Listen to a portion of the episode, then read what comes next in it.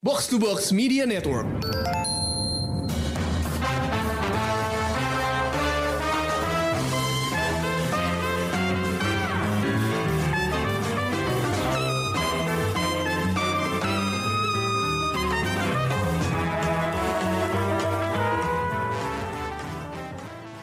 Halo pendengar Showbox, balik lagi bersama gue Amy dan kali ini kita kembali lagi ke Korea Vaganza dengan dua judul yang uh, hits banget nih dari Netflix. Yang pertama ada Narco Saints, yang kedua ada Little Women. Pastinya tahu dong judul-judul ini yang lagi seliweran nih di Netflix. Bareng gue udah ada Krisna sama Ulil yang seperti biasa kita bakal ngalor ngidul soal drakor. Hai guys. Halo Amanda. Halo, lama tak Hai, berjumpa. Halo Lil. Hai Kak. Jadi agak lama juga nih ya hiatus kita, bukan hiatus sih sebenarnya, cuma susah cari waktu aja. Mohon maaf karena kita semua lagi sibuk, cie. So sibuk banget sih. Tapi nih gue sebenarnya punya ide udah dari lama nih untuk ngebahas Narco Saints. Soalnya eh, si Krisna endorsementnya gede-gedean bahas judul ini. Terus dari judulnya aja, itu udah bikin penasaran karena ada kata-kata narkonya. Waktu pertama kali Ulil denger, dia bilang, ini ada hubungannya nggak sih sama serial Netflix yang namanya Narcos? Kayak, gue mikir, iya ya, ada hubungannya nggak ya? Kayaknya sih enggak sih, cuma judulnya aja mirip. Eh, bisa nggak sih Chris lo ceritain sedikit tentang um, judul ini dan apakah ada hubungannya sama pengedaran dan perdagangan narkoba gitu? ya yang yang pasti hubungannya itu aja sih garis benang merahnya dengan narkos narkos lainnya di Netflix Hmm. tentang ya tentang cerita drug lord lah dan settingnya di Amerika Selatan. Kalau di sini tepatnya di Suriname ya settingnya. Hmm, Oke. Suriname adalah negara yang cukup ini ya familiar bagi warga Indonesia karena Sama koloni Belanda. ya karena banyak eh, keturunan orang Jawa ya di sana. Iya. Mm-mm. Jadi ini satu kalau menurut gue satu tanda kutip selling point bagi drakor ini untuk menangkap hati pemirsa di Indonesia gitu. Karena kaitan apa ya eh, kulturnya kali ya nggak sih? familiar lah Suriname kan. Ya itu Cuman dia. maksudnya namanya familiar buat kita orang Indonesia tapi sebenarnya kita nggak pernah tahu persis kebayang kayak apa negaranya kan sebenarnya. Iya. Nah, setelah lo nonton drakor ini, Chris, apakah lo jadi lebih familiar sama Suriname? Hmm, nggak yakin juga sih gue karena gue nggak tahu seakurat apa film eh serial ini gitu dan ya settingnya kan eh, syutingnya kan nggak langsung di sana juga ya nanti kita bahas lebih jauh juga lah soal itu dan akurasi kondisinya juga nggak tahu sih tapi yang tapi yang pasti sih cerita ceritanya sendiri ya kalau ngomongin ceritanya aja ya sebenarnya memang tidak menawarkan banyak hal yang baru sih Narcosade selayaknya film-film drug lord lain lah gitu Nah, kayak gimana tuh kondisinya eh, dari karakternya pas lo temuin di serial ini? Bisa nggak diceritain? Ceri- ceritanya sih tentang apa ya kayak seorang laki-laki yang sudah menikah dan punya anak gitu ya namanya Kang Ingu dan kondisi ekonominya tuh yang diperankan sama Ha Jung Woo jadi kondisi ekonominya tuh yang lumayan struggling lah dia di Korea. Terus dia kayak ada temennya yang pernah tinggal di Suriname tuh ngajakin bisnis ada peluang bisnis bagus nih di sana gitu. Hmm, karena kan di di di Korea itu ikan pari itu kan mahal ya, digemari gitu kan di sana. Iya. Nah, sementara di Suriname ikan pari itu nggak berharga. Oh, Ya, dia- sementara sementara pro- sementara mereka punya ikan pari itu melimpah gitu. Jadi kayak kayak dia dan temannya ini yang namanya aduh gue lupa eh Park Hong Soo itu eh, memulai bisnis ikan pari ini di Korea gitu. Nah, ya lumayan inilah ternyata lumayan emang lancar lah tapi sam- sampai pada akhirnya terus mereka harus apa apa ya berhubu eh, bersinggungan dengan eh, drug lord drug lord yang ada di eh, Suriname. Ternyata salah satunya adalah buronan dari Korea gitu. Eh, dan dia di sana menyamar jadi seorang pastor di gereja yang emang khusus untuk orang Korea gitu. Namanya John Hyo Hwan dia diperankan oleh Wang Jung Min ya dari situ mulai banyak intrik lah terus ditambah lagi ternyata si karakter pastor ini tuh udah diburu sama intelijen Korea Ah, Eh, oke. salah satu intelijen yang banyak terlibat di sini tuh eh, ada Choi Chang Ho yang diperankan oleh Park Hae Soo yang ya kita kenal lewat Squid Game lah ya. Hmm. Ya, jadi akhirnya dia apa ya mengajak kerjasama si Kang In-gu inilah untuk untuk melakukan penyamaran dan untuk inilah tahu lebih banyak soal si John Hyo-wan ini si pastor ini. Karena dia nggak bisa ditangkap di Suriname karena apa ya eh, nggak nggak secara yuridiksi tuh Korea nggak bisa nangkep dia di Suriname. Jadi dia harus dipaksa untuk keluar Suriname atau berurusan dengan Amerika gitu. Jadi bisa Ah, bisa ya apa dia itu bisa terlibat jadi Korea bisa bisa ikut masuk di situ gitu. Oke. seru sih jadi kayak ya kayak cerita-cerita Drug Drug Lord dan intelijen jadi banyak penyamaran penyamarannya gitu sih Padahal dia cuman pengen bisnis ikan pari ya. iya cuman terus kayak nggak sengaja terlibat lah ya bukannya nggak sengaja sih dia lumayan dijebak sama si pastor ini akhirnya kayak apa ya jadi kayak menyusupkan eh, narkobanya ini ke dalam ikan parinya Ikan itu pari. Hmm. tanpa pengetahuan dia jadi dia sempat di penjara gitulah tapi terus akhirnya di- dari situ diajak kerjasama sama eh, intelijen Gitu, Wah, Tapi ini pastornya ini beneran pastor, Chris? Eh, Atau nyamar pura-pura. Oh jadi oh Nah, oke. tapi tapi dia punya pengikut beneran sih maksudnya punya jemaat beneran gitu karena mereka nggak tahu kalau dia eh, bukan pastor beneran gitu. Jadi dia beneran kayak ada khotbahnya ada ininya gitu. Tapi di balik itu sebenarnya dia punya bisnis eh, kartel narkoba yang gede lumayan gede gitu. Hmm, Iya, sensitif ya. kalau misalnya kita ngomongin pemeran ya, tadi lo udah sebut beberapa nama yang Mm-mm. menurut gua high profile. Mm-mm. Karena Ha Jung Woo sama Hwang Jung Min itu dua nama yang gede banget sebenarnya gede banget kan di Korea. Ini ini castnya kenapa bisa epic banget gini ya? Iya, jadi sebenarnya kalau gue ini udah eh, oh ya ini kan sebenarnya kalau di Korea awalnya judul aslinya kan emang Suriname kan, cuman Ah. terus ternyata diganti jadi Narkosen ya. Hmm. Gue udah lumayan sejak denger diumumin case-nya tahun lalu lah ini gue udah nungguin banget karena ya udah kayak di Korea itu cuman ada empat aktor yang masuk kayak 100 juta viewer klub gitu lah. Hmm. Itu dua di antaranya tuh Ha Jung Woo sama Hwang Jung Min. Dua lagi tuh Choi Min Sik sama Odell eh sorry eh, Song Kang Ho sama Odell Su gitu. Jadi ya udah kayak buset dan mereka jarang banget kan main drakor gitu kan.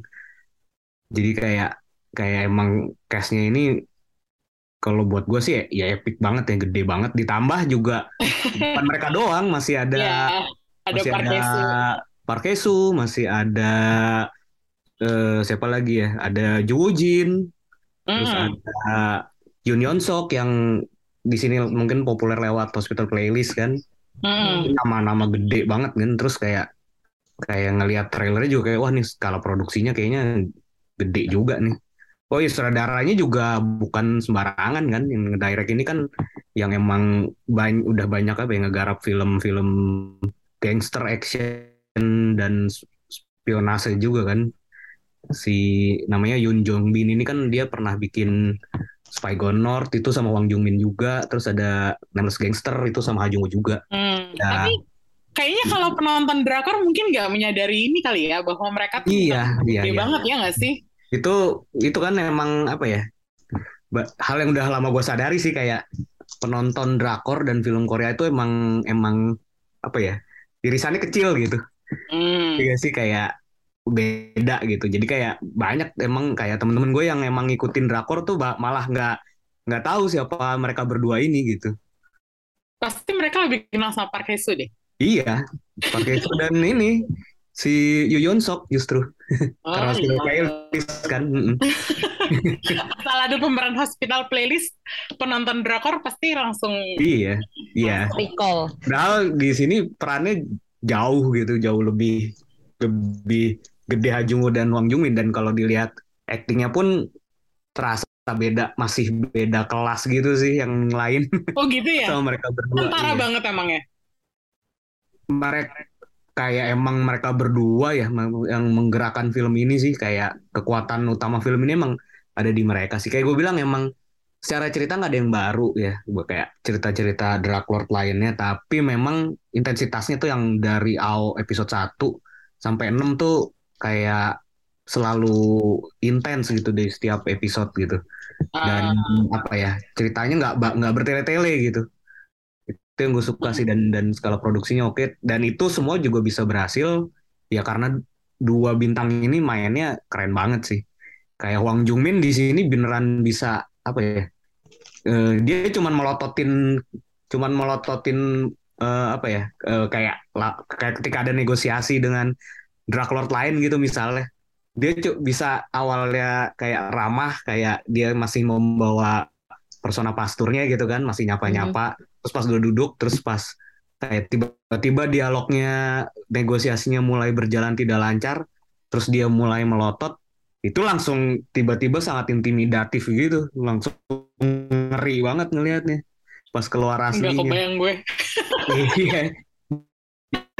kan dia emang Iya. eh, kalau kalau kalau teman-teman yang biasa nonton Hwang Jungmin tuh kan sebenarnya dia kita lebih familiar dengan karakter dia yang Hmm. simpatik kan.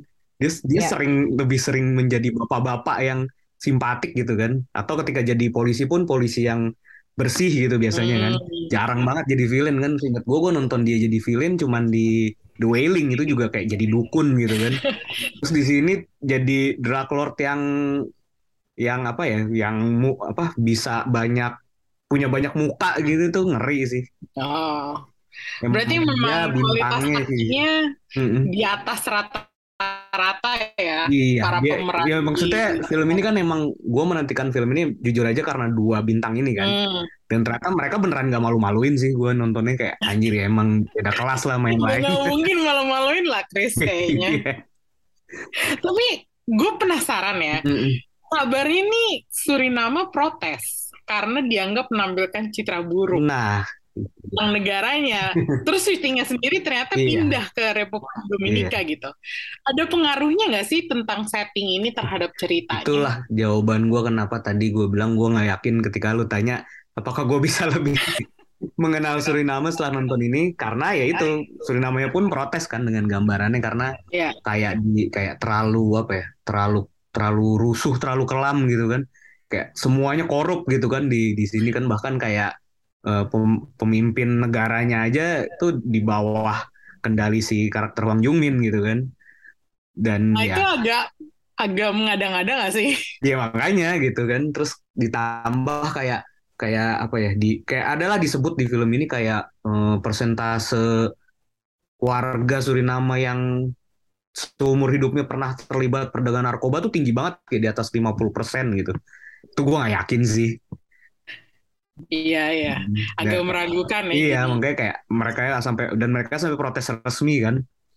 Hmm. Jadi jadi kalau kayak soal emang itu sih menurut gua agak agak apa ya agak sayangnya mungkin itu sih penggambaran penggambaran Suriname tuh kayak terlalu kusam gitu loh kayak dunia ketiga Hmm. banget. Iya, Kalau iya, soal iya. setting Gua- Republik Domini di Republik Dominika ya mungkin secara iklim secara wilayah mirip kali ya jadi kayaknya nggak terlalu ini sih bahkan banyak di ini ternyata kan gue ngeliat behind the scene-nya bahkan banyak yang sebenarnya syutingnya di Jeju di Korea sendiri. Oh, iya di Pulau Oh. Jeju gitu. iya cuman ya ya ya makanya hebatnya produksi film ini ya itu yang yang di area Jeju pun gue bahkan nggak bisa ngeh gitu yang mana gitu Gokil dong berarti. iya Set- kayak bikin setting. secara warnanya, secara konsistensi, Hmm. apa setnya segala macem tuh kelihatan kayak semua di, set- di tempat yang sama gitu.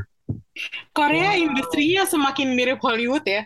Iya benar benar benar benar. Makin pinter buat menyamarkan tempat, Tempat. gitu. Iya, Mm-mm. Produksinya juga Iya. berarti gila-gilaan dong ya. iya, secara budget gede ini. Iya, maksudnya Apalagi- buat bayar dua dua cast utamanya itu aja kayak udah gede sih. Juga. Mereka udah aktor termahal Korea kan. Hmm. Heeh. Nah, tapi yang gue heran nih, Chris, Mm-mm. kalau misalnya gue eh, perhatiin Mm-mm. sejak drakor ini tayang, itu udah agak lama kan ya, Iya. eh, drakor ini tayang. Eh, terus kalau gue ngeliat chartnya Netflix Mm-mm. di top 10, itu tuh Kurang. eh, kurang kurang menonjol gitu, nggak pernah nomor satu gitu. Kayak apa Hmm. sih? Eh buzznya tuh masih low key banget, Ya, agak dibanding underrated. drakor lain sih nggak. Ya, jadi kalau dibandingin sama drakor lain, padahal ini kan di atas kertas kan harusnya menang ya dengan Mm-mm, adanya mm-mm. aktor sekelas Ha Jung Woo sama Hwang Jung Min gitu. Mm. Nah, analisa lo tentang popularitas drakor ini tuh gimana sebenarnya? Sebenarnya kalau di Koreanya sendiri kan ini gede ya, maksudnya eh, Hmm, sukses banget kan kalau di, di negaranya sendiri. hmm, Tapi ya ini sih kalau di kena kalau di Indonesia ya ya balik lagi memang eh, ya kan kalau kan kayak kita tahu lah drak sering kita, udah pernah kita bahas juga di episode sebelumnya mungkin eh, drakor itu kan apa ya masih star driven banget kan. Lumayan punya pengaruh besar kan bintang yang main gitu. Nah, ya dua Ha Jung Woo dan Wang Jung Min ini memang bukan bintang yang cukup populer mungkin di kalangan penonton Hmm. drakor di sini sih. Itu aja sih kayak menurut gue. Faktor utamanya kenapa dia nggak nggak segede misalnya Little Women gitu ya. Ya, mungkin gue nggak ngerti soalnya promosinya itu apakah di luar Korea itu kurang atau gimana. Tapi gue merasa kok kayaknya ini tuh nggak nomor satu banget gitu. Beda Sebenarnya sama kalau- yang sering jadi nomor satu gitu. Mm-mm. Kalau secara promosi sih ya gue perhatiin lah ya kayak sebenarnya lumayan sih di di apa di pas sebelum ini tayang gitu ya. Hmm. Satu lagi mungkin eh, faktor yang membuat ini si Narkosen ini tidak sepopuler taruhlah drakor lain gitu ya. Mungkin juga karena tampilannya sih ya yang yang apa ya nggak seca atau se ya gitu nih tampilannya tuh film Korea banget gitu. Film Korea yang genrenya pun di drug crime gitu kan. Dan thriller gitu. Dan dan ya lebih dark kali ya. Bahkan pas settingnya masih di Korea sekalipun gitu. Belum belum pindah ke Suriname tuh udah terasa lebih lebih apa ya? Lebih kusam Hmm, gitu. lebih gritty gitu ya. iya mungkin jadi kayak ketika ada apa ya penonton drakor nggak bisa coba ternyata mungkin nggak sesuai selera pada Hmm, biasanya gitu Iya, kan. karena yang biasa nonton drakor pasti mengharapkan sebuah estetika yang iya iya kan biasa gitu kan. poles Ah, rapi, glam Hmm, gitu hmm. kan. sementara ini Oh, beda lah kayak ya emang kelihatan produksinya emang kayak ini film panjang aja sih sebenarnya. hmm, iya iya iya. Nah, Ulil, Ulil sendiri eh, ada ketertarikan gak sih buat nyobain Narcosins atau enggak sama sekali? Sejujurnya dia udah masuk my list gue sih. Oh, Tapi tapi tiba-tiba kayak aduh aku main-main ke teta OTT sebelah dulu deh gitu loh. Kayak nanti deh nanti gitu. Nonton nonton yang lain. Eh tiba-tiba keluar Little Woman akhirnya jadi yang ya lupa gitu. Berarti memang eh, bukan tontonan yang gampang buat lo ikutin ya, Lil? Iya sih kayaknya ya. Walaupun penasaran juga sih sebetulnya. Kayak apa ya? Apakah tadi kayak Ami bilang gitu? Apakah ini memang seperti eh, narkos yang satu lagi gitu Hmm. kan? Hmm. Cuman kayaknya mungkin lagi nggak mood nonton yang berat-berat kali ya. jadi jadi kayak gue mundur dulu deh nonton yang ini walaupun udah ada di my list. Nah, gua sih jujur gua nggak pernah ngikutin serial Narcos ya, yang Mm-mm. lain gitu. Tapi mungkin feeling gue jangan-jangan Narcosens ini lebih mirip ke situ daripada ke drakor gitu, pada umum drakor yang lain gitu. Oh, Jangan-jangan ya. Oh. ini feeling lo ya, Chris? Iya. Mengerti sih. Karena karena kalau misalnya ngelihat segala macamnya yang bahkan tadi lo sebut DEA gitu. DEA itu kan faktor cerita yang penting di serial Narcos, Iya. taruh Mm-mm. tahu gua gitu. Jadi makanya kayaknya ada kemiripan ke arah sana dan mungkin yang suka nonton Narcos lebih bisa menerima serial Narcos di sini. gitu. Iya. Mm-mm. Oke, eh, sekarang kita beralih ke Little Women yang kita semua tiga-tiganya nonton gitu. Nonton. Ya, Iya.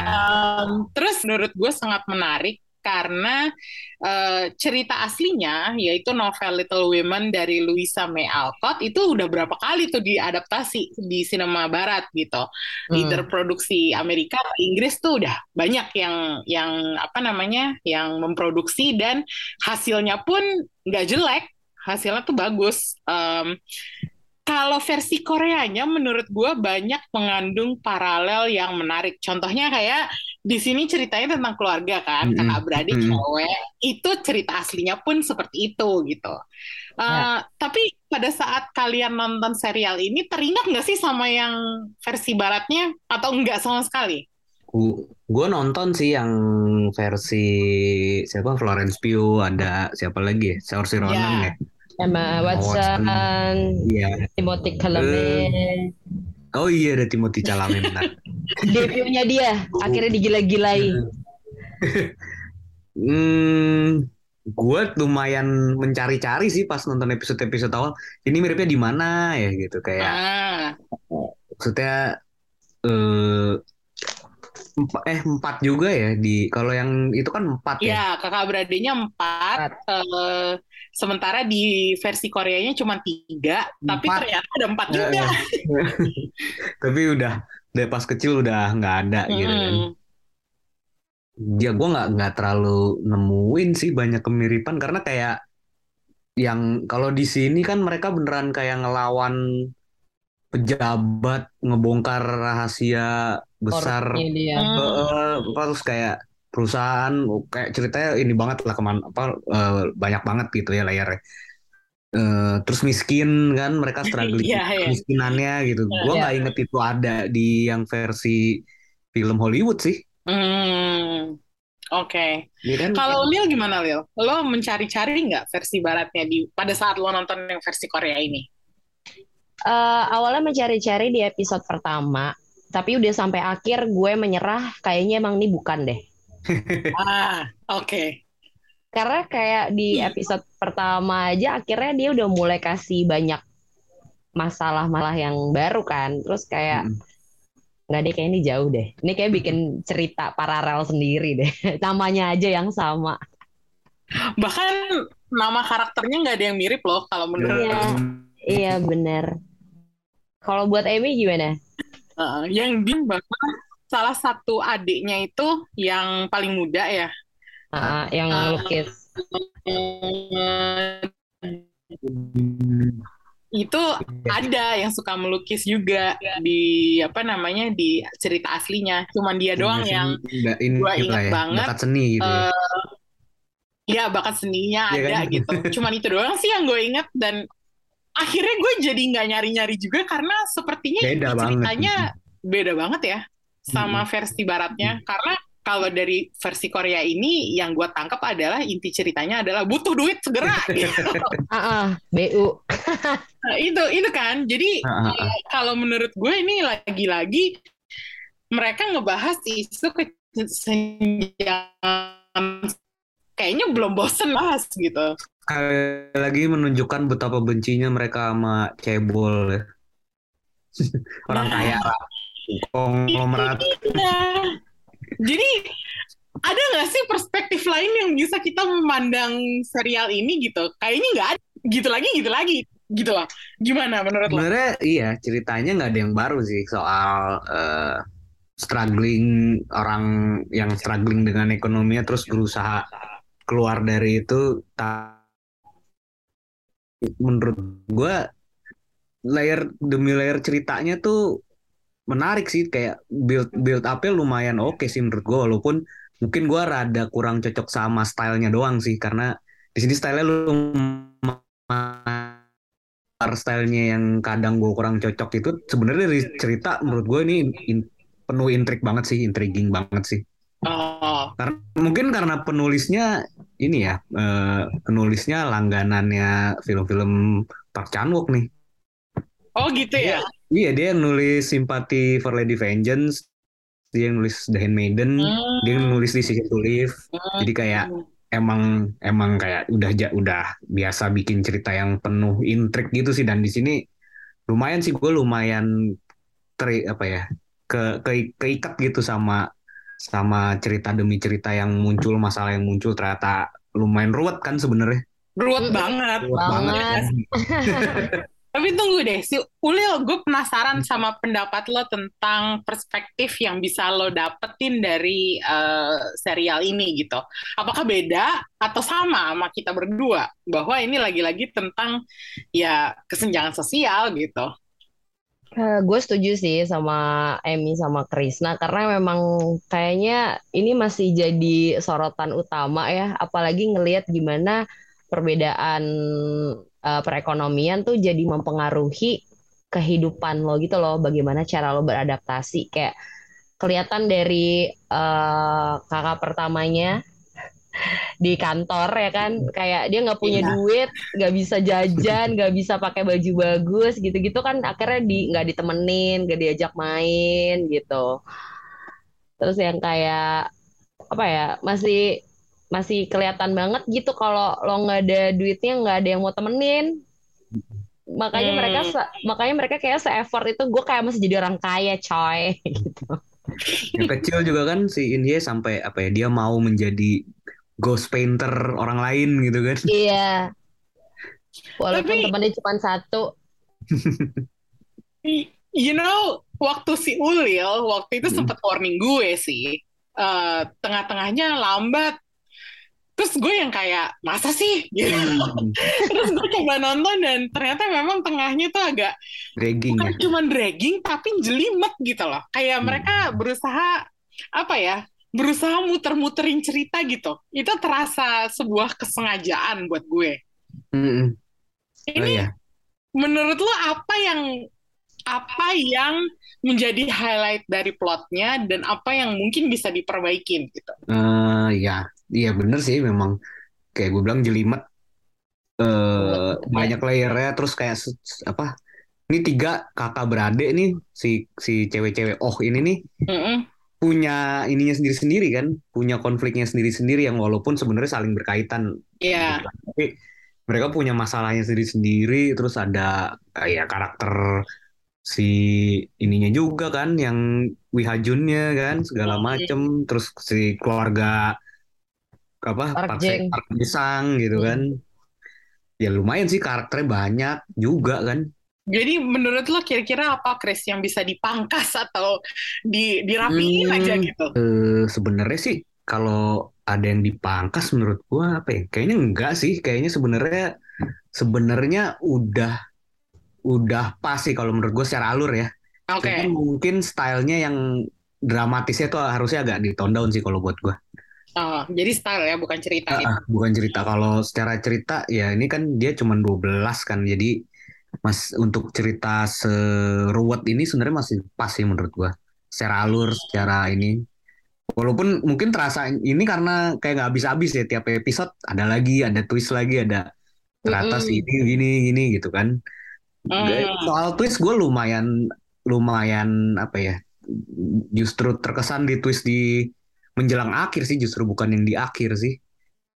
Menjelang akhir yang bagian mana tuh? Yang episode berapa ya? 10 kali ya. Yang ini sih yang apa? Udah mulai uh, kebongkar semua ya? Iya kak, yang karakter Wihajun pura-pura ngelaporin bapaknya, terus bapaknya pura-pura uh, di bom itu. Iya. Yeah. Itu itu itu part paling smart sih menurut gua. Tapi ya ya gua nggak masalah sih sama alurnya, cuman stylenya aja yang kadang over dramatis. Hmm, karena kalau menurut gue hmm. uh, setelah agak mereview sedikit ngelihat ke belakang gitu, gue hmm. kayaknya udah cukup diberatkan sama hubungan kakak beradik ini gitu. Terutama karena karakter adik yang paling kecil, uh, gue nggak bisa memahami dia sama sekali, gue nggak bisa relate. Iya. Jadi gue sebenarnya pengen lebih melihat mereka menggali itunya gitu, menggali hmm hmm, si kakak pertama dan kakak kedua itu lebih lebih apa ya uh, sama si adiknya nih kalau bisa tuh pengen lebih disatuin visinya gitu cuman kayaknya emang hmm. udah karena mereka jalan jalan ceritanya beda-beda yang meskipun terkait satu sama lain mereka tuh jadi hmm. nggak punya visi yang sama gitu loh jadi gue merasa agak frustrasi di bagian uh, relationship antara anggota keluarga oh ini gitu. Saling blokir. Iya, gitu. Iya itu dia. Terus deh gitu kayak ibunya sama bapaknya nggak diceritain lebih lanjut ya. Iya, udah gitu aja, udah kabur ke luar negeri. Iya. hilang. Hmm. Terus padahal eh, dinamika mereka sama neneknya ya, ta- tante Oh iya. itu Nenek. itu sangat menarik gitu dan sayangnya ya udah berakhir gitu aja gitu nggak nggak tragis. iya dan nggak diperdalam gitu makanya gue agak merasa frustrasi dengan harusnya ini cerita keluarga tapi kesan keluarganya tuh kurang kuat buat gue gitu Hmm. Ini juga sih mungkin terasa mungkin terasa jelimet rame gitu karena ini kayak berusaha menyatukan banyak genre juga gak sih? ya Kayak ada Iya drama sih. keluarganya, ada thriller gitu kan, hmm. crime gitu terus sedikit-sedikit ada misteri gitu kan. Mm. dan keuangannya itu laundering-nya itu itu agak jelimet juga kalau menurut gue um, Ulil ada pendapat lain tentang plotnya Eh, gue hampir sama-sama Emmy sih. Terlalu apa ya? Terlalu penuh aja gitu. Kalau emang mau sepenuh ini, mungkin nggak di 12 kali ya. Lebih panjang. Tambah di 14 mungkin, 16 kayaknya kepanjangan ya. 14 lah ya. Karena, Bisa jadi. Kayak- karena kayak eh, penulisnya tuh mau membuat semua karakternya tuh full gitu loh. Dibikin satu-satu kayak apa ya? em, di dipenuhi semua tapi agak sedikit maksa dengan plot twist plot twist yang diberikan gitu. ah oke Gue inget sih se- selama nonton ini tuh gue beberapa kali mengulang dialog karena gue ini tadi apa ya? Tapi Iya, iya kayak- sih. maksudnya Iya. apa ya lu tadi ngomong apa sih gitu Iya nggak sih Lumayan Iya, gak bisa iya, iya. meleng dikit sih Bener. dialognya. Mm-mm. Ini drakor yang nggak bisa ditonton sambil makan siang atau makan malam sih. Iya betul. Iya, karena Gua mesti full. nonton terus kelewat tadi ngomong apa ya? Gitu. Iya. Atau enggak bener-bener nggak bisa nge-skip uh, intro depannya gitu loh. Kayak Hmm. oh ya, episode Hmm. sebelumnya tuh dia lagi ngapain ya? Oh ya, oke oke oke gitu. Tapi ini ada nggak sih eh, pendapat tentang eh, tiga oh bersaudara ini? Kayak kalau menurut gue, yang paling gue nggak relate itu kan si yang kecil ya, si Oh In Hye ini. Oh in here. Hmm. Nah, tapi gue nggak gitu, nggak segitu sukanya juga sama kakak pertama dan kakak kedua gitu. gue malah lebih tertarik sama cewek yang tadinya udah mati. Wayung. Eh, Oh. eh, Wah, iya, iya Wayang, Wayung. Wayang gitu. Makanya gue agak-agak frustrasi juga karena nggak ada karakter yang bisa gue pegang gitu. Benar benar Ini benar. kalau Krisna mungkin beda kali. Karena lo Kalau menikmati plotnya kan. iya, tapi kalau secara cerita memang eh secara cerita mah, sorry, secara karakter Inju dan In Kyung tuh juga lumayan bikin gue frustrasi sih kadang. Kayak lo berdua tuh banyak- mau apa sih gitu ya? Iya kayak di banyak momen kayak mereka terlalu apa ya kadang terlalu ceroboh kadang terlalu bodoh Kecepatan. kadang Eh. Mm, kadang terlalu idealis kadang Inkyungnya juga kan nggak Iya. realistis gitu kadang kan Hmm. jujur kalau secara karakter di antara bertiga ini gue nggak ada yang terlalu kuat sih menurut gue ya maksudnya kuat dalam artian gue sukai banget gitu ya Hmm. gue lebih justru lebih suka karakter neneknya gitu gue harap gue harap tadinya dia punya peran lebih gede sih Ah, iya iya iya. dia, dia kan Setuju gue. powerful gitu Setuju. kan dan dia digambarin sebagai perempuan yang dari nol kan dia bukan bukan privilege yang dari keluarga kaya kan Kayak, mm-mm. dia bahkan apa untuk memulai bisnisnya dia memutuskan untuk meninggalkan suaminya ya kalau nggak salah dia cerai terus dia mulai membangun kerajaan bisnisnya dari situ dan ternyata akhirnya dia bisa sekaya itu kan Hmm. ya Iya, iya. gue expect dia lebih banyak sih lebih banyak perannya lah ke belakang Kalau Lil gimana Lil? Ada nggak salah satu yang lo paling favorit antara si O bersaudara itu? Kalau favorit dari tiga orang ini, gue lebih suka sama eh, kakak kedua sih. Oh, Kyung ya. In Kyung. Karena menurut gue dia cukup eh, fokus dengan pekerjaannya. Kan dia jurnalis ya. Iya. Jadi dia tuh terlihat bener-bener ngeluarin eh, apa namanya ngeluarin ilmu jurnalis dia untuk memecahkan kasus korupsi ini dan mau ngebuktiin ke rakyat kalau ini pejabat tuh emang nggak layak gitu. eh ya Ah, lo nggak layak gitu. Makanya dia sampai mencari tahu data-data tentang anggrek tentang eh, komunitas jongran terus akhirnya eh, apa namanya eh, sampai pergi ke rumah sakit jiwa dan lain-lain gitu kan. Mm-mm. Kalau dari antara tiga ini sih gue berpegang teguh. Pada Oh In Kyung ya. Walaupun gue mengharapkan harusnya Huayong nggak mati ya. Nggak bunuh Nah. diri gitu tapi menurut gue karakternya juga cukup kuat nggak sih Emi karena mau sampai episode berapa dia tetap harum gitu namanya Iya, karena karena otak otaknya di dia semua kan iya itu dia. Karena karakter yang kalau menurut gue patut jadi heroin dari sebuah cerita ini, semua cerita tentang money laundering lah, kayak tentang uh, menantang uh, orang kaya gitu. Itu semua otaknya adalah Wayong. jadi dia motiv- motivasinya kan lumayan paling kuat kan maksudnya. iya, Iya. itu dia. Iya kan. Mm-mm. Ibunya Dan jadi korban. gue gue merasa bahwa dari awal gue udah merasa sih kayaknya nggak mungkin dia mati gitu. Iya, gue juga. kecelek ya Gitu. gue lumayan curiga juga sih. Iya kan, kayak nggak mungkin dia mati sih kalau gue. Jadi makanya eh, gue sebenarnya lebih lebih pengen tahu tentang dia dan gimana dia bisa mengatur sandiwara ini. Soalnya eh, ka- apa kan ceritanya si villainnya si Mhm. perempuan yang namanya Won Sang A itu, itu kan dia ceritanya dia sebagai puppeteer kan, dia yang Ya, ngaku-ngaku dia yang me- apa ya meng- me- kan ini semua Hmm, betul.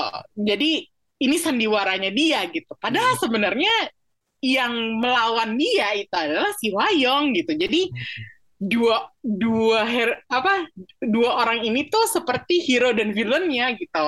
Iya. Bahkan Gua- si O Hmm. bersaudara ini cuman kayak jadi terseret gitu loh pada masalahnya. Makanya gue beneran pengen tahu lebih banyak lagi tentang Wayong gitu. Gue lumayan terkesan juga sih sama si villain utamanya ya si si Won Sang A kan ternyata kan. Ah, iya. Iya. Oh, itu gue udah bisa nebak juga sih kayak dia sebenarnya dia dia sebenarnya bukan bukan suaminya gitu kan. Hmm. Apa, di belakang belakang baru ketahuan ya Iya peralihan karakternya ketika dia udah mulai terlihat betapa gilanya dia tuh itu gue suka banget sih. Iya sih, dia terlihat sebagai eh, ini ya kalau menurut gue tren baru yang muncul di drakor Mm-mm. adalah ternyata villain perempuannya tuh lebih sadis daripada villain lebih sadis dan lebih cerdas gitu kan. cerdas ya Iya itu dia. Makanya gue eh, udah berapa kali gue nonton eh, drakor di mana para perempuannya tuh jauh lebih kejam daripada karakter laki-lakinya gitu. ya, ya. Salah satunya yang baru-baru ini gue tonton adalah Military Prosecutor Doberman. Oh iya. Kan di situ eh, villain utamanya juga perempuan, Perempuan. jenderal yang perempuan gitu. Jadi ini tuh kayak sebuah apa ya, bukan inovasi juga sih, tapi bisa dibilang inovasi gitu. Karena Ini ada fak ya ada faktor penulisnya juga sih. Penulisnya kan perempuan dan dia ah, handmaiden kan eh, yang semua yang cerdasnya perempuan, ya, decision to Ah. live juga gitu kan. ya iya iya, Mm-mm. itu dia makanya. Jadi ini sesuatu yang gue sadarin dan ternyata gue welcome banget gitu. Iya. Ya, iyalah, bagus lah. itu dia. Oke, eh, ini Eh, bahasa by the way, ini Hmm? loh karakternya, aduh, gue lupa si Hwayong ya. Mm-mm. itu si ak- aktornya main di Narco Saints juga. Oh ya. Iya, jadi benang merah dua judul kita kali ini ada di dia. Oh wow. Bentar, namanya panggil lah Ida Dua apa kalau nggak salah. Eh, Cho Jahyun. Ya, itu dia. Aktris yang kali ini menjadi benang merah antara um, Narco Saints sama Little Women ya. Iya. Oke. Mm-mm. Uh, ini bahasan terakhir Little Women sebelum kita gabungin bahasannya. Mm-mm. Uh, ini setting di Singapura nih. Gimik atau cukup mendukung ceritanya menurut lo? Titipan pariwisata sih. gue gue merasa kayak wah Fullerton gue pernah nginep di situ. Tapi of course eh, gaya menginap gue nggak semahal di drakor ini ya. Tapi gue pernah nginep di Fullerton gitu. Ya di Gria Tawangnya man. gimana Lil? Pendapat lo tentang Singapura yang lo lihat di sini? Kalau gue ini adalah gimmick yang mendukung cerita dan bikin lo selain pengen ke Korea Selatan ya bisa kali mampir ke Singapura dulu ya. tapi lo mikir nggak sih kayak segitu canggihnya ya bank di Singapura bisa ngalahin bank Swiss Iya. buat money laundering Nah, ini dia pertanyaan gue, kenapa kenapa Singapura gitu?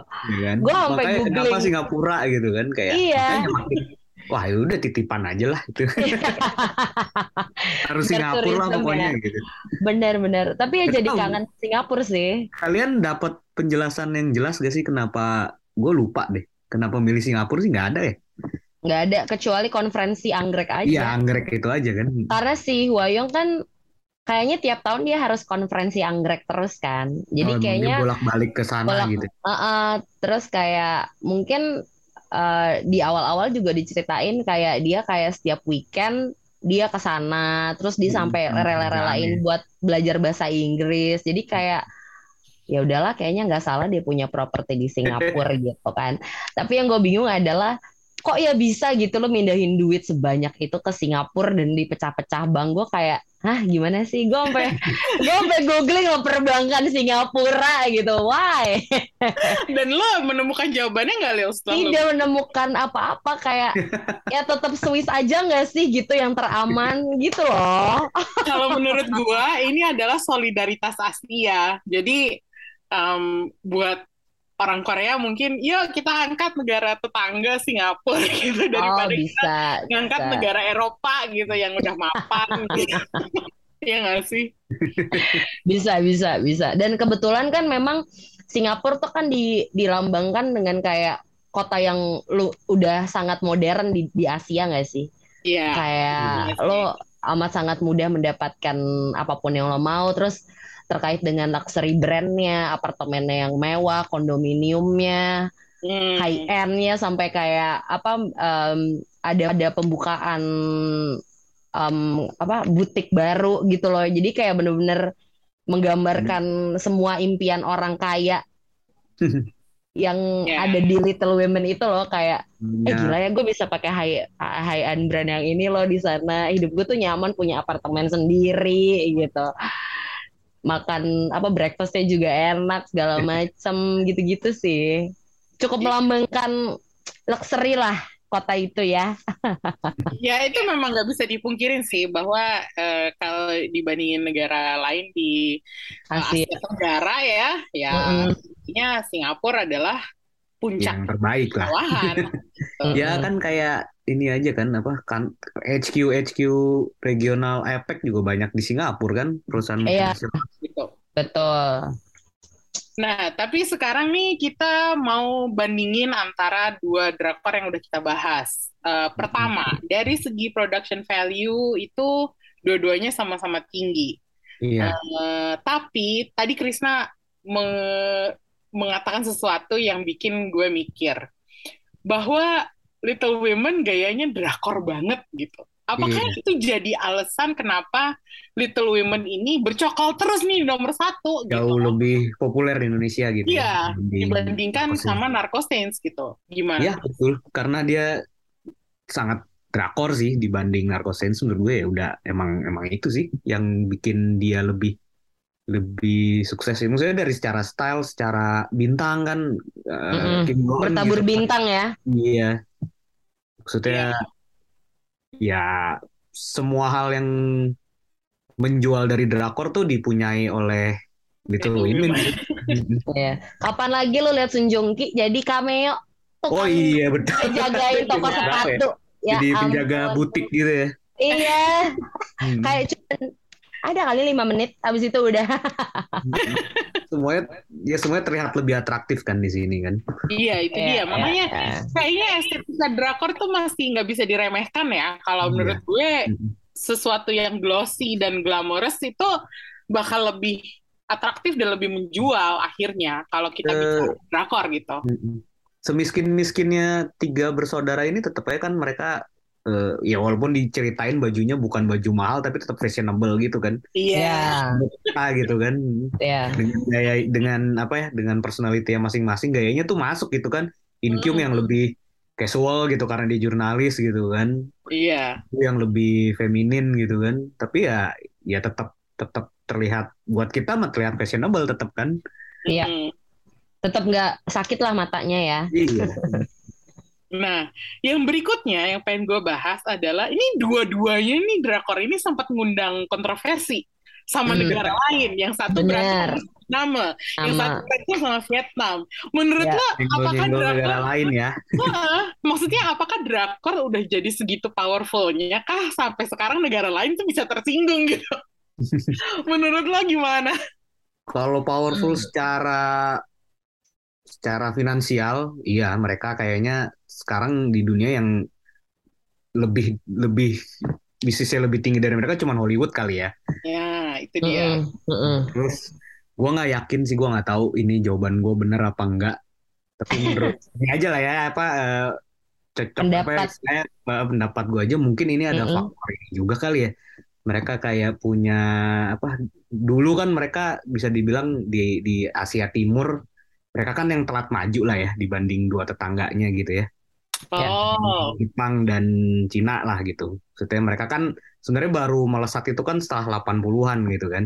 Secara ekonomi, secara entertainment apalagi gitu. Sebenarnya umurnya pendek gitu. Jadi mungkin dulu mereka lama banget merasakan inferiority kompleks. Tiba-tiba sekarang mereka jadi yang paling top di Asia. Jadi agak superiority kompleks mungkin. Jawaban gua agak sensitif sih. Jadi maaf kalau salah. Tapi mungkin mungkin ada faktor itu juga sih. hmm. Dia masuk kalau- akal sih Kalau menurut gue Hmm. eh, pesona drakor itu lumayan ini ya, lumayan luas dan lebar. Mm-mm. Makanya negara negara yang disinggung di dalam drakor itu ya mereka punya alasan kalau intinya jadi pengen ngelawan karena lo gila lo, ini lo ditonton banyak orang tapi lo nampilin negara gue dengan Iya, iya, iya. cara yang buruk gitu. Karena udah ditonton global kan, jadi lebih Iya. lebih protes gitu kan. Iya itu dia makanya jadi karena kita udah bisa mengakui pesona drakor itu Mm-mm. lumayan meluas dan lumayan ini kan eh, sekarang di negara mana sih yang nggak nonton drakor gitu Iya betul. Yes. Eropa, US pun udah nonton ya. Iya Mm-mm. itu dia eh, dengan adanya Netflix dan banyak OTT lainnya judul-judul Korea makin lebih dikenal jadi makanya bisa dibilang kekuatannya tuh hampir sama kayak film Hollywood gitu Iya, makanya hampir betul, hampir sama udah. Iya, jadi kalau ada negara yang protes, gue nggak heran sih. Ya nggak sih? benar Iya, benar bener. dan ini kayaknya bukan memang kadang mereka agak insensitif juga sih gua harus akui. benar mereka nggak belajar dari itu gue kadang lumayan mixed feeling juga nontonnya kayak buset ini digambarinnya dunia ketiga banget ya gitu. ya kayak tadi lo bilang itu kan tentang Hmm. narkosains bahwa negaranya kok kusam banget sih Suriname gitu. Padahal mungkin aslinya nggak gitu. Iya, mungkin Iya, iya. cantik dan indah mungkin aslinya kan damai gitu kan. Oke, eh, setelah lo nonton dua drakor ini, yang satunya 6 episode, yang satunya 12 episode. Lo kangen gak sih sama drakor 18 episode? Atau malah lo lebih pengen lebih banyak nonton yang pendek-pendek gini? pendek sih gue Oh, oke. Oli, Oli Pendek. pendek ya? Nggak tapi capek nungguinnya ya. nggak capek nungguinnya tapi ya nggak usah maksa gitu loh Nggak bertele-tele. iya walaupun 12 lo jangan memaksa semuanya tuh harus masuk gitu loh Hmm. jadi kan kita nggak puyeng ya gitu Kalau Krisna lo ada ada pendapat tentang format 6 Kalau gue 12? tergantung itu mah terbalik lagi tergantung genre dan ceritanya sih. Hmm. Kalau kayak Narcoscience yang cerita tentang Drug Lord, ya itu kayaknya 6 episode cukup banget sih. Kayak Ah. kayaknya 10 episode itu udah udah kepanjangan gitu ya. udah kepanjangan Heeh. Kayak Little Women ya masih ya itu juga kayak kayaknya kalau sampai 16 tuh bikin capek banget Heeh. Ntar kayak ini kan apa yang kita bahas kemarin tuh gue sampai lupa Cafe Minamdang gitu kan kayak Iya. kepanjangan banget kan. Kepanjangan itu. Nah, nah. tergantung gen ceritanya sih kalau kayak apa ya mungkin kalau kayak yang lebih slice of life yang lebih drama itu kan tiap episode bisa ada cerita yang Berbeda. beda gitu atau yang Hmm. episodik gitu itu kayaknya sih 16 16 tuh masih masih oke sih. Oke. Hmm. Oke, kalau gue juga tim pendek sih sama kayak Ulil. Karena Udah mau akhir tahun gak sih? Iya. Jangan panjang-panjang lah Puyang. pada dasarnya eh, gue menonton itu adalah untuk hiburan gitu kan. Jadi gue gak pengen di apa dilama-lamain gitu loh. Terbebani untuk nonton Iya. lagi nonton lagi. Iya, kayak apa sih? Yaudah, singkat nggak apa-apa, yang penting jelas gitu loh. kayak nggak perlu sampai 16 episode pun nggak apa-apa, asal ceritanya pas. Iya. Dan menurut gue bahkan si apa si Little Women ini sedikit kepanjangan kalau buat gue. Oh iya? Iya sih 10 benar episode iya. kayaknya Benar bisa benar. deh gitu. Iya. Karena pas episode 10 itu yang tadi Krisna bilang ada twist yang bagus banget, Mm-mm. Mm-mm. itu udah cukup menghentak gitu buat gue. Kayak wah ceritanya bisa dihabisin nih sebenarnya gitu. Ya. Benar. Oke, sekarang kita sudah ngebahas Narkosin sama Little Women. Ada nggak rekomendasi lain uh, yang bisa kalian sharing uh, sebelum kita tutup episodenya? Kalau dari gue, gue Hmm. kemarin sempat lihat-lihat gitu di view ada yang menarik perhatian gue. If you wish upon me. Oh, oke. Jadi ceritanya tuh eh, kalau gue masih baca sih belum gue mulai karena Little Woman-nya Hmm. belum baru banget selesai. Jadi gue kayak nggak kuat nggak kuat gitu. Dia tuh ceritanya kayak ah ah, mengabulkan permintaan terakhir lo sebelum meninggal gitu. Kayaknya butuh yang agak butuh yang sendu-sendu nih gara-gara udah capek mikir ya. Pasti, pasti nangis mulu tuh. kayak lagi apa ya lagi lagi butuh penenangnya ini. Soalnya kayak yang romance gue belum menemukan gitu loh ya Hmm. semua nih akhir tahun pada keluarnya yang serius-serius banget dah ini kerjaan Iya. banyak loh Netflix hey OTT yang lain kasih kami romance boleh Oke, Uh, If You Wish Upon Me kayaknya judul yang cukup menarik juga karena ada Ji Chang-wooknya. Um, ah bener gue lumayan pengen nonton gara-gara dia sih. Hmm. Uh, tapi ada judul lain nggak, Chris? Kalau dari lo? Gua punya rekomendasi dari Amazon Prime. Sebenarnya Oke. bukan rakor tapi film. Hmm. Tapi ini kayak tadi Ulil bilang pengen yang ringan-ringan dan romance. Nah, ini Hmm. gua ada Nothing Serious judulnya. Dia sebenarnya tahun rilisnya udah akhir 2021 lalu kalau di Korea ya. Durasinya Oke. cuma 95 menit. Ini ini curang sih karena menurut gua aktor sama pemain cowok sama pemain ceweknya nih dua-duanya super good looking sih kalau menurut Jadi ini secara secara apa ya? Secara sinematografi ini curang banget udah pasti oke Hmm, dan ceritanya simpel gitu mata. kayak kayak jadi ada dua orang eh, yang cowok namanya Wuri itu yang meranin Son Suku yang Mm-mm. dari Liberation Notes lah yang kita paling ingat terus sama ceweknya ada Jun Jong Soo yang kemarin Hmm. di apa Money Heist Korea jadi Hmm. Tokyo kan oke Hmm. Mereka berdua sebenarnya kayak simple cuman ketemu lewat dating app gitu terus kenalan.